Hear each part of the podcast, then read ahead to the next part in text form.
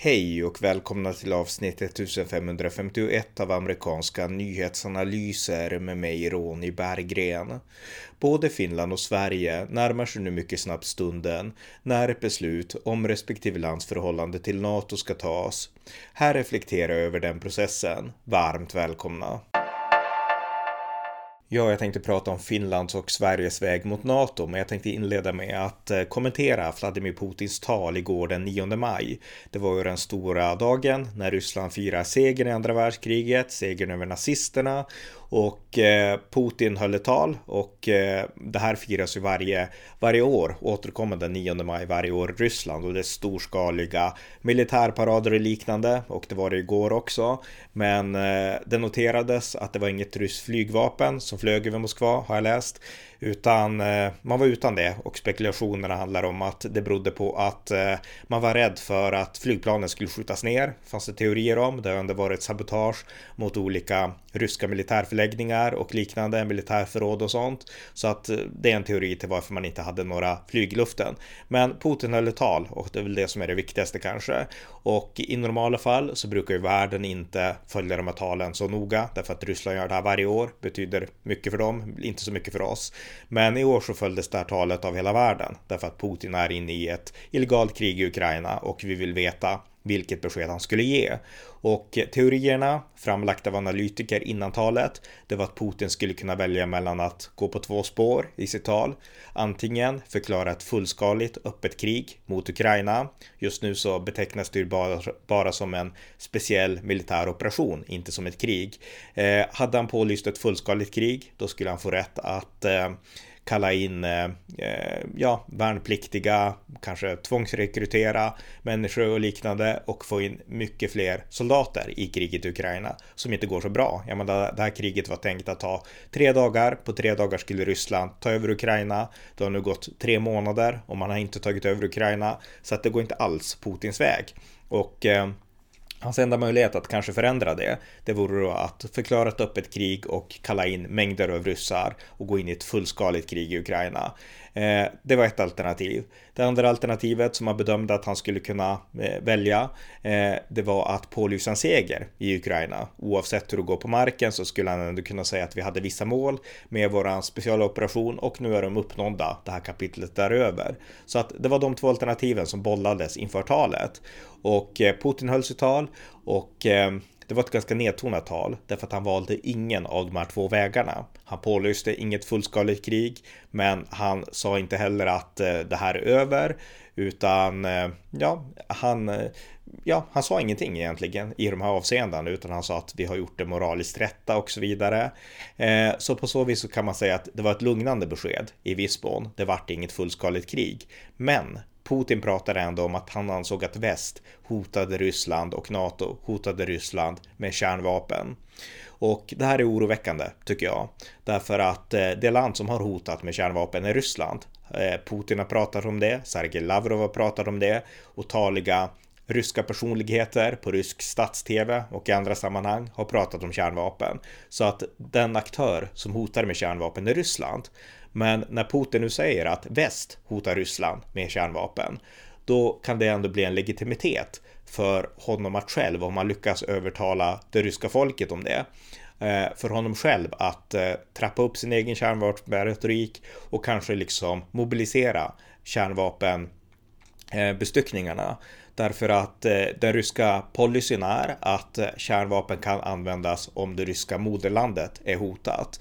Och eh, om han då säger någonting som helt uppenbart är falskt, att NATO hotar Ryssland med kärnvapen, då skulle det såklart vara en grund för att han själv skulle kunna börja liksom mobilisera sina kärnvapen. Så att det här är oerhört eh, allvarligt tycker jag, att han pratar om kärnvapen. Och eh, det här är någonting som väst verkligen måste ta på allvar och USA i synnerhet som står för den majoriteten av den liksom eh, västliga antikärnvapen liksom garanten genom att avskräckning helt enkelt som jag pratade om förut. Eh, så att det här måste tas på allvar och eh, även om Putin inte eh, pålyste något fullskaligt krig så hänger kärnvapenskuggan där eh, ändå. Och eh, det är någonting vi verkligen måste ta på allvar som sagt. Men det var Putins tal och eh, hela den här aggressionen, det som sker i Ukraina, men även hotet från kärnvapen är såklart det som ligger till grund för att vi i Norden, Finland och Sverige, nu håller på att omvärdera vår eh, inställning till NATO. Och eh, ett nordiskt NATO-beslut närmar sig och det tänkte jag prata lite mer om nu. Ja, NATO-frågan är ju den fråga som diskuteras hela tiden just nu och i många avseenden så har Finland lett vägen. Finland har varit eh, mycket mer konkret och mycket mer engagerat i den här processen för att närma sig NATO än vad Sverige har varit, åtminstone öppet och utåt. Och eh, Sanna Marin, Finlands statsminister, hon besökte ju Sverige häromveckan och eh, det som väntar härnäst nu i förhållande till Finland, det är att den 12 maj så kommer Finlands president eh, eh, Sauli Niinistö att ge besked för Finlands del vilken väg som Finland har valt och då får vi veta vad de finska socialdemokraterna har valt då. Eh, den 13 maj, dagen efter alltså, då kommer Sveriges säkerhetspolitiska analys som leds av, det är en analys som är gjord under ledning av utrikesminister Ann Linde och försvarsminister Peter Hultqvist tillsammans med alla riksdagspartier.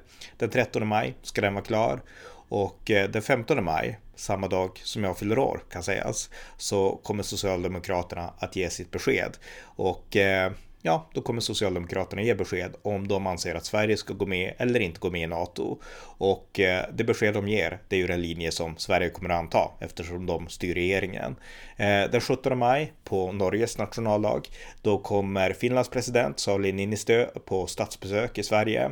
Och ja, då kan man väl ändå anta att Sverige och Finland har synkroniserat. Och eh, om det då är ett gemensamt besked från Sverige och Finland bara dagarna dessförinnan, då har man ju verkligen någonting att, eh, ja, då har man verkligen en enad front utåt med Finlands president och jag förmodar Sveriges statsminister och kanske till och med kungen och sådär, liksom på, på, på en, enad, en enad linje. Så att allt talar nu för att båda våra länder, Finland och Sverige, går i takt med varandra och närmar sig NATO. Och eh, det här är intressant därför att det här visar verkligen på den förändring som Socialdemokraterna har gått igenom i NATO-frågan. Och det tänkte jag prata lite kort om nu. Ja, jag tänkte då inte här gå igenom varenda sväng som eh, kännetecknar Socialdemokraternas förhållande till NATO, utan bara ge några korta exempel som beskriver förändringen. Och eh, det första och mest konkreta exemplet på det, det tycker jag är att eh, ställa eh, nuvarande utrikesminister Ann Linde i kontrast till hennes socialdemokratiska företrädare Margot Wallström. Och om vi börjar med Margot Wallström. Margot Wallström, hon intervjuades på nyårsafton 20, 2017, en nyårsintervju som gjordes av SVT. Och där så ombads hon att kommentera eh, ett, eh, en kritik som hade riktats från USAs NATO-ambassadör, republikanen Kay Bailey Hutchison. Hon är från Texas, jag är välbekant med henne.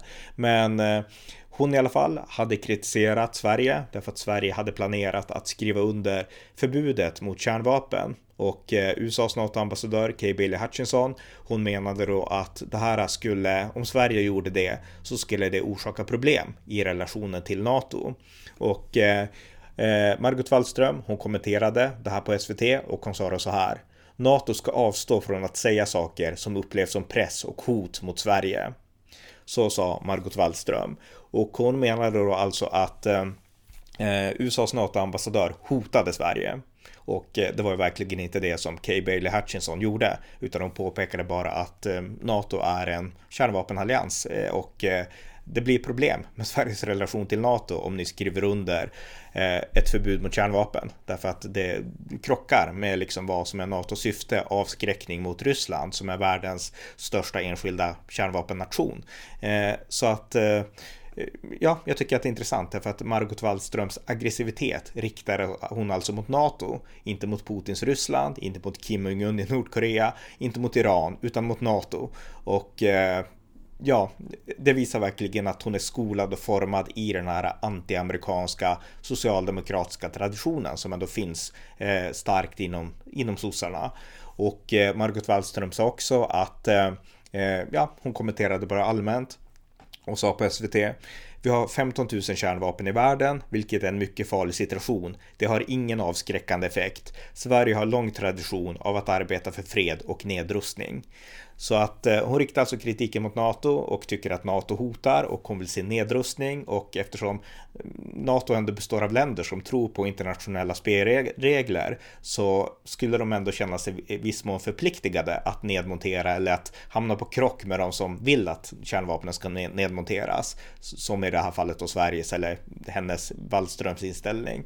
Och eh, jag menar, Ryssland bryr sig inte om de avtalen. De, de rustar i alla fall. Så att jag menar, det, här visar verkligen att hennes liksom instinktiva aggressivitet, den riktas mot USA, den riktas mot NATO. Och vi ska komma ihåg då att eh, Kay Bailey Hutchinson, hon var republikan, Donald Trump var president, så att det gjorde väl sitt till. Men det säger mycket om Margot Wallström.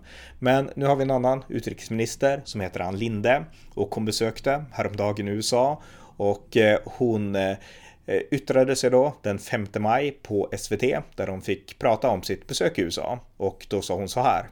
Och jag kan konstatera efter att ha pratat med Antony Blinken och med en rad senatorer som är ansvariga för de här frågorna i utrikesutskottet och så vidare att det finns ett stort intresse på USAs sida för att Sverige och Finland går med i Nato. Man tycker att det skulle bli ett mycket större säkerhetspolitiskt positivt läge i Arktis, i eh, Östersjöområdet och därför är man beredd också att ge olika typer av säkerhetsförsäkringar. Du säger att du inte vill gå in på några detaljer, men kan du säga någonting om vad de här försäkringarna skulle betyda i praktiken? Ja, det skulle ju betyda att eh, Ryssland får klart för sig att om man eh, riktar aktiviteter, negativa aktiviteter mot Sverige, vilket man har hotat med, så är det ingenting som eh, USA bara skulle låta eh, passera eh, obemärkt utan att göra någonting. Och eh, ja, vad ska man säga? Ann Linde pratar ju om USA som den stora garanten för svensk säkerhet här. Och det här låter ju nästan inte ens som en socialdemokrat. Så jag menar, kontrasten mellan Ann Linde och Margot Wallström är ju gigantisk. Alltså om det är något som beskriver förändringen inom Socialdemokraterna så tycker jag att de här två uttalandena, Margot Wallströms aggressiva uttalande mot NATO och Ann Lindes liksom nästan varma embracement av, av liksom USA och, och NATO. Så att den här kontrasten är verkligen talande. Sen ska sägas att Margot Wallström hon har svängt nu och nu är hon för NATO. Men det här är ändå en del av hennes historia och många andra har ju svängt också och det för oss till nästa exempel. Och det är ju den stora nuvarande socialdemokratiska bromsklossen mot NATO-medlemskap. Och jag menar historiskt har ju sossarna haft mängder av personer, Pierre Schori och eh, Jan Eliasson och allt vad de heter. Eh, men idag så är det ju regeringen Peter Hultqvist som har varit den mest tydliga NATO-motståndaren i Socialdemokraterna och eh, det finns ju mängder av exempel när han sagt att vi ska aldrig gå med i NATO och eh, ni kan säkert hela den historien därför att den har spelats upp på SVT och Sveriges Radio överallt. Men idag så ut, uttalade sig Peter Hultqvist på Sveriges Radio, på P1 Ekot och eh, där så rådde helt andra tongångar än tidigare och Peter Hultqvist sa så här. Ja, ser man det rent krast så kommer ju det att bli den effekten. Att eh, vi utnyttjar varandras styrkor och fördelar och kompletterar varandra fullt ut och dessutom genomför en operativ planering. Då blir det ju effekten att, eh, att vi blir starkare tillsammans. Det här är ju då någonting som kan ske om vi väljer att eh, gå med i Nato. Så ja, en helt ny Peter Hultqvist. Eh, den 24 februari förändrade allt, inte bara för Europa och världen och Ukraina utan även i Peter Hultqvists huvud. Nu inser han att NATO är, ja, det kommer göra Norden tryggare. Ungefär motsatsen till det han alltid sagt i alla år. Men det här visar verkligen på att eh, Socialdemokraterna har verkligen förändrats. Och eh, jag är glad över den här förändringen. Därför att jag stöder NATO, som ni som lyssnar regelbundet vet att jag verkligen gör. Och den här förändringen är glädjande och det visar ändå att Socialdemokraterna har förmågan att utvecklas. Och det här är ju liksom allt det här regeringskriserna som vi har haft nu det senaste ett år och lite drygt mer än så som vi har haft som ändå ledde till att Stefan Löfven avgick till att Magdalena Andersson blev statsminister. Det tycker jag är väldigt bra. Det här är ju den positiva frukten av det. Därför att Stefan Löfven han sa att eh, han vill inte att Sverige skulle gå med i NATO. Så hade han varit förblivit statsminister så skulle förmodligen Sverige även i det här läget inte ha gått med. Eh, vi vet ju inte exakt hur han hade tänkt i samma situation, men mycket tyder på det. Så att, eh, att Magdalena Andersson nu är statsminister visar på att förändringen av Socialdemokraterna skedde verkligen i liksom ödets stund. Därför att utan henne som statsminister så skulle Sverige förmodligen inte ha gått med. Och nu vet vi såklart inte än eh, om Socialdemokraterna kommer att säga ja till NATO. Men jag och de flesta som bedömer här tycker att mycket tyder på det. Och eh, det för oss in på nästa ämne som jag tänkte kommentera lite mer ingående. Nämligen SVT Agendas partiledardebatt som hölls i, i söndags den, vad blir det, 8, 8 maj. Eh, så att lite mer kommentarer om den. Där Magdalena Andersson också deltog då. Ja, först ut i den här debatten då på SVTs partiledardebatt, SVT Agenda den 8 maj, så var det statsminister Magdalena Andersson mot Moderaternas partiledare Ulf Kristersson. Och Ulf Kristersson är ju den partiledare som jag anser har lett bäst i den här frågan. Därför att han har konsekvent pratat för ett NATO-medlemskap. Andra har gjort också såklart, Liberalerna, Kristdemokraterna, men det är mindre partier som själva inte kan dra lasset. Men Ulf Kristersson, han leder Moderaterna och eh, han har varit väldigt tydlig eh, och eh, varit i ett tidigt skede. Och den 6 april så höll han ett tal på Försvarshögskolan där han var väldigt tydlig och det är ett klipp som jag tycker är utmärkt. Och Ulf Kristersson sa då så här den 6 april. Så mina vänner, Sverige hör hemma i väst, Sverige hör hemma i Europa och Sverige hör hemma i NATO. Som svensk statsminister kommer jag göra allt jag kan för att leda Sverige in i NATO under nästa mandatperiod. För det är, precis som Finlands statsminister nyligen sa, det finns två olika beslut att fatta. Att välja att gå med i NATO eller att välja att stå utanför. Att inte fatta beslut är också ett beslut. Så det är Ulf Kristerssons syn på NATO, väldigt positiv och eh, sen dess så har ju han också hookat upp med Magdalena Andersson och tillsammans så reste de till Norge för att eh, bevista NATO-övningen Cold Response eh, på Nordkalotten och eh, de la ut bilder tillsammans på Facebook och sådana här saker. Så att de här två personerna som ändå är eh, ja, potentiella statsministrar. Magdalena Andersson om hon ska bli statsminister eller Ulf Kristersson om han ska ta över rollen. De har ändå försökt gå i samtakt i, i den här frågan i förhållande till NATO. Och eh, det framkom också tydligt att så var fallet i den här så kallade debatten. Här är klipp. Vi lever i kanske den farligaste tiden sedan andra världskriget just nu. Fråga Ukraina om de hade velat vara med i Nato. Fråga våra baltiska vänner om de är glada över att de är med i Nato. Det här är det farligaste vi har varit med om. Ryssland kommer alltså inte gilla att Sverige och Finland går med i Nato. Ryssland gillar inte att vi utvisar ryska spioner. Allt det här kräver att vi också samlar ihop oss, står enade i Sverige och med Finland för att möta de hot som kan möta Sverige. Det är därför jag så gärna hoppas att Socialdemokraterna till slut bestämmer sig att de också vill gå med i Nato så vi i mycket, mycket bred enighet i Sverige kan fatta ett historiskt beslut tillsammans. Jag tycker eh, väldigt klokt eh, resonerat av Ulf Kristersson. Eh, att vi ska söka en bred samsyn det är någonting som jag verkligen delar. Eh, och det är just därför som vi har kallat alla riksdagens partier till de här överläggningarna. Jag är också väldigt glad över den dialog som du och jag har kunnat haft i det här för Sverige väldigt, väldigt eh, säkerhetspolitiskt oroliga läge. Och jag delar helt din uppfattning att det är det farligaste som situationen har varit i sedan andra världskriget. Eh, så att det finns ju mycket delar i analysen som vi, som vi delar. Jag håller också med dig om att eh, om det är så att Sverige väljer att gå med en eh, ansökan om NATO-medlemskap. Ryssland har sagt att de kommer att eh, svara med motåtgärder. Så att, eh, det behöver man naturligtvis också, om man väljer att skicka in en ansökan, förbereda sig för. Det som gör en svensk och en finsk ansökan nu helt unik det är att vi kommer alltså i så fall ansöka gemensamt med Finland och i Sverige är det några månader före ett val. För mig är det här inte en fråga om partipolitik. Man kan ha tyckt olika historiskt. Vi har värderat det här historiskt olika. Och om vi nu kan landa i en gemensam slutsats, då vore det värdefullt för Sverige. Vi har också från regeringens sida arbetat så att det ska vara möjligt för oss, om vi väljer det, att kunna eh, ansöka om ett NATO-medlemskap. Det är bland annat därför som vi har träffat eh, många ledare i andra länder. Jag var i Berlin i veckan nu och träffade Olaf Scholz bland annat. Och där är de tydliga med att att de är beredda att på olika sätt stötta Sverige under en ansökningsperiod.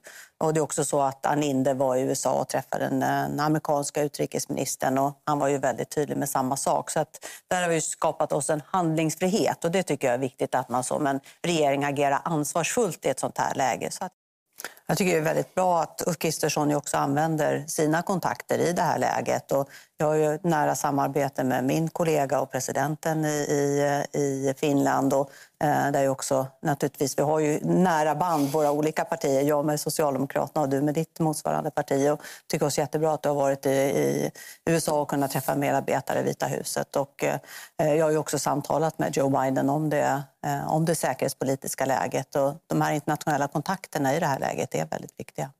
Då hoppas vi på ett gott resultat. Ja, och vi tackar er för det. Vi ska gå vidare nu. Eh, mm. Inte historiens hetaste duell möjligen, Nej. men vi går vidare ändå.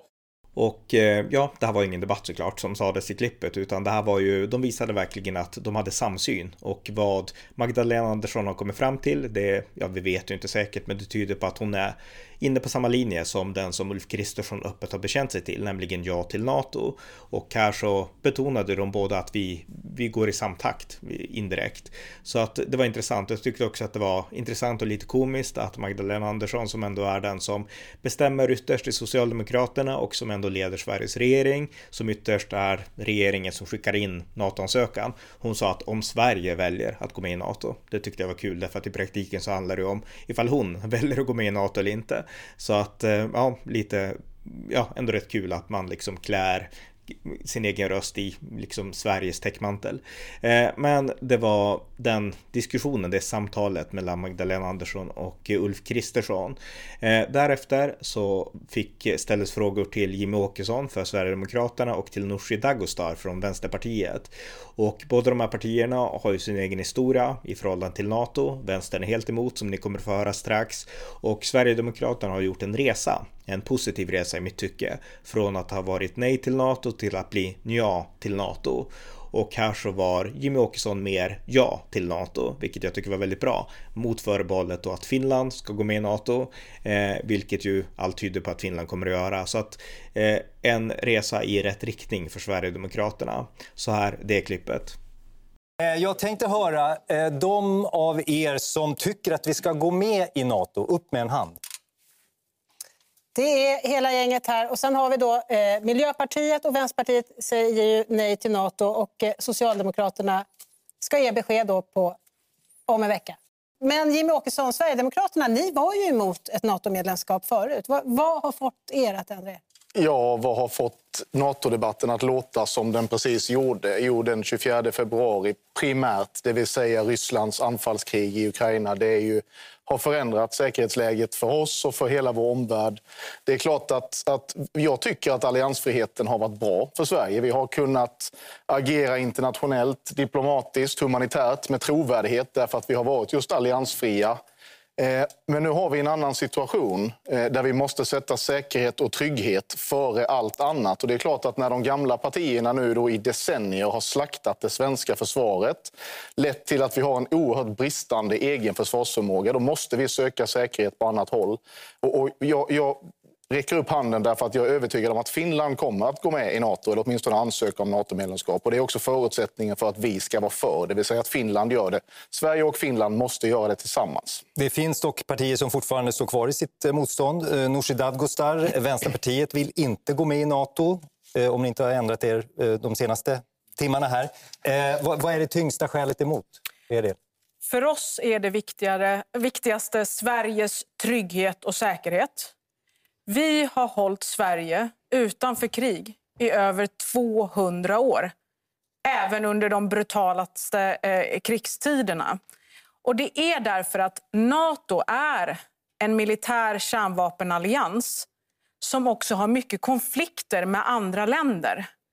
Och de länderna de kan också utse Sverige som fiender. Natos fiender blir våra fiender. Vi blir därmed måltavla för militär aggression och terrorism från de länderna som Nato är i konflikt med. Och eh, det här klippet visar som sagt att eh, Sverigedemokraterna, de har inte alltid varit rätt i den här frågan. De har tyvärr en partihistoria av att vara emot NATO på helt fel grunder och som visar att de har inte förstått de här frågorna på djupet. Eh, men de är på väg i rätt riktning. Men Nooshi Dadgostar från Vänsterpartiet, hon är ju komplett galen. Alltså hennes argument är de är felaktiga och jag behöver inte gå in på varför här. De är felaktiga och mycket av det påpekades av de motdebattörerna här. Och eh, hon visar också att hon har en helt annan inställning än Socialdemokraterna. Och eh, det här är ju inte ett seriöst parti. De här har inte gjort rätt, korrekta säkerhetspolitiska analyser.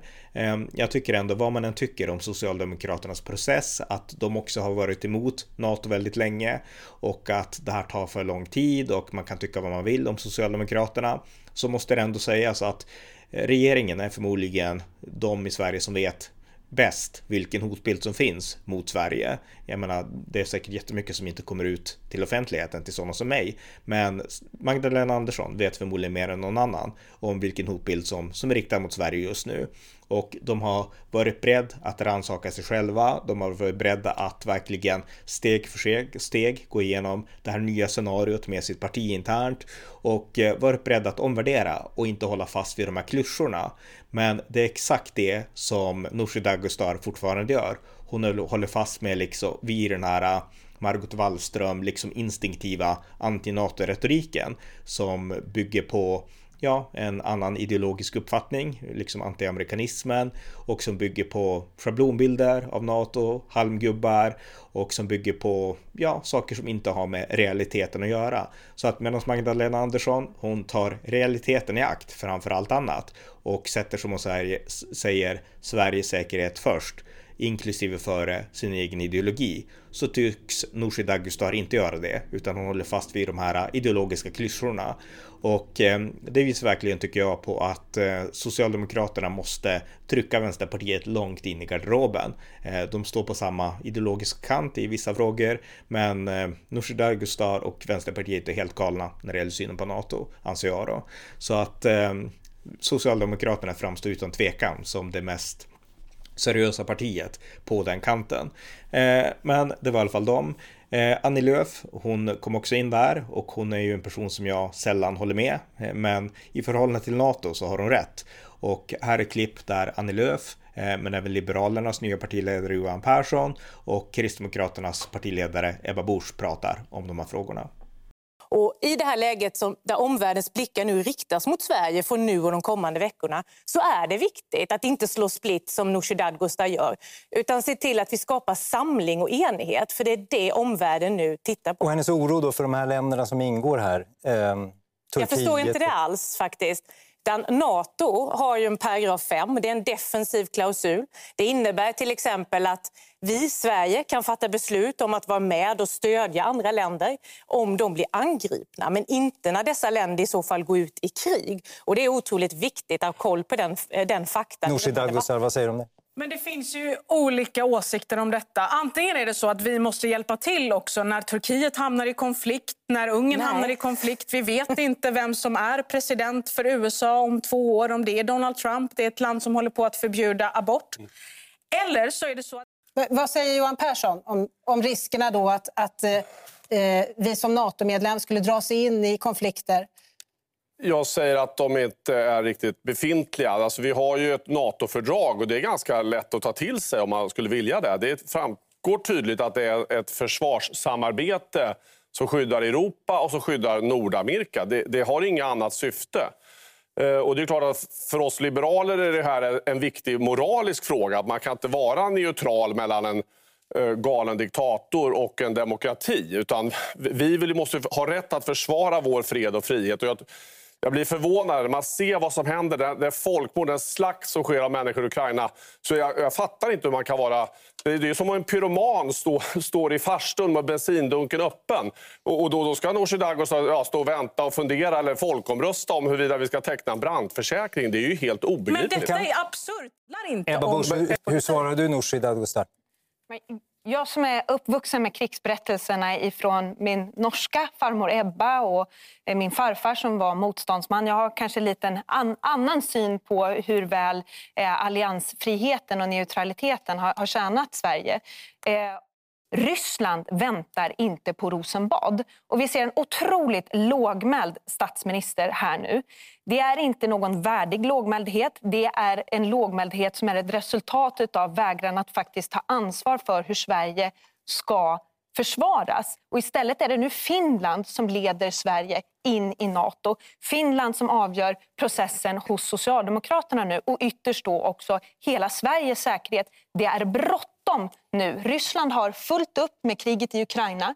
Vi har ett unikt fönster nu där vi vet att Sverige och Finland är välkomna. Det kan vi inte ta för givet.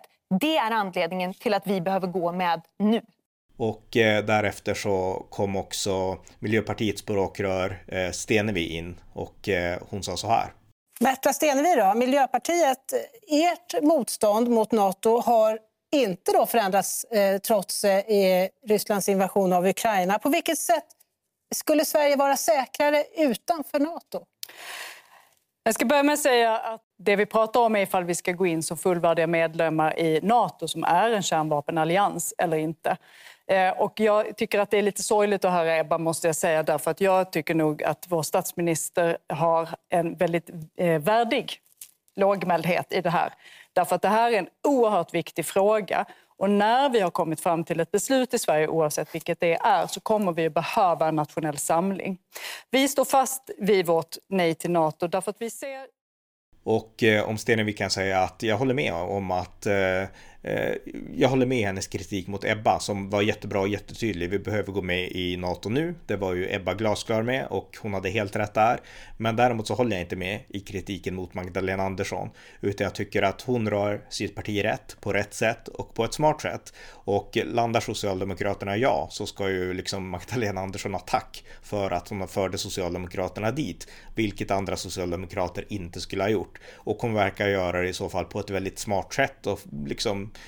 Mm, ja, orientera sig rätt i den här processen som är, verkligen är en uppgörelse med sin egen historia för Socialdemokraternas del. Så att eh, där delar jag Stenevis försvar av Magdalena Andersson. Men jag delar såklart inte Stenevis kritik mot NATO-kärnvapen, utan vi vet nu att avskräckning är helt nödvändig. Det är liksom garanten. Det är det som gör att Ryssland inte vågar göra mer än de gör. För tänk om bara enbart Ryssland skulle haft kärnvapen. Det hade ju varit fruktansvärt. Då hade de kunnat göra vad de själva vill.